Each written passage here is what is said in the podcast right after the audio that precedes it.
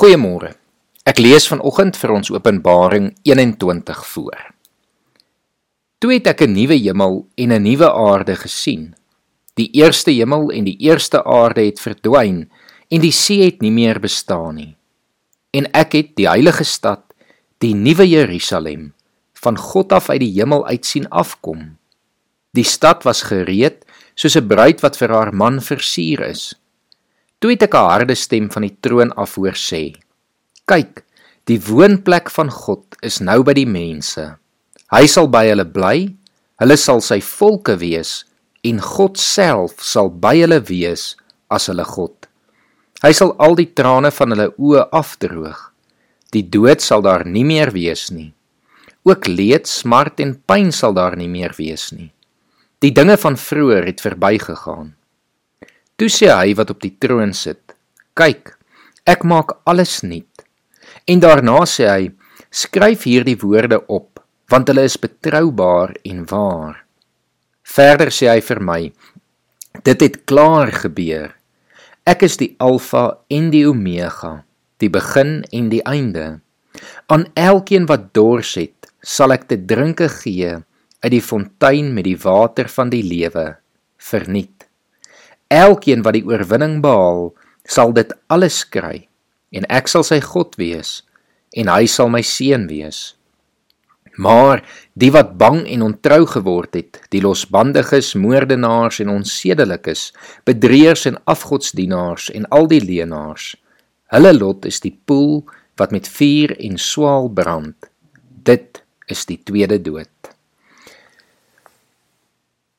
Openbaring beskryf vir ons waarheen ons op pad is. Dit skep vir ons die prentjie van die nuwe aarde. Maar dit help ons ook om nou alreeds aan hierdie nuwe aarde te werk. Die ewige lewe gaan nie op 'n vreemde, ver afgeleë plek eers in die hemel plaasvind nie. Nee, Openbaring leer ons dat die ewige lewe hier op aarde gaan wees en dat God alles hier sal nuut maak wanneer die nuwe Jerusalem gaan neerdal en dit hemel op aarde gaan word. Kom ons leef dan nou al reeds so goed soos ons kan om die woorde van Openbaring 'n werklikheid te maak. Droog die wat hartseer is se trane af.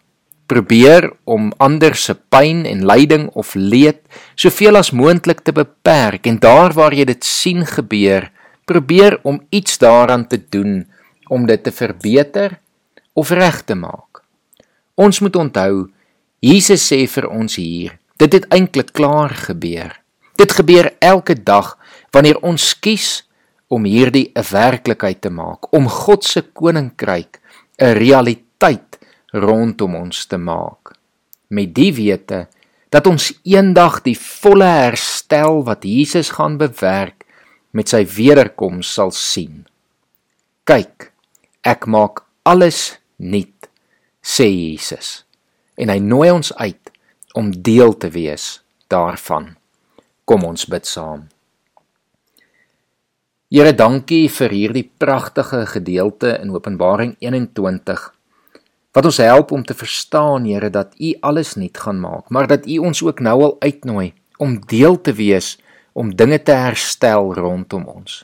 Here help ons om hierin voort te bou om hierdie jaar regtig werklike pogings aan te wend en om nie moedeloos te word wanneer hierdie wêreld in sy gebrokenheid ons nog steeds in die gesig staar nie.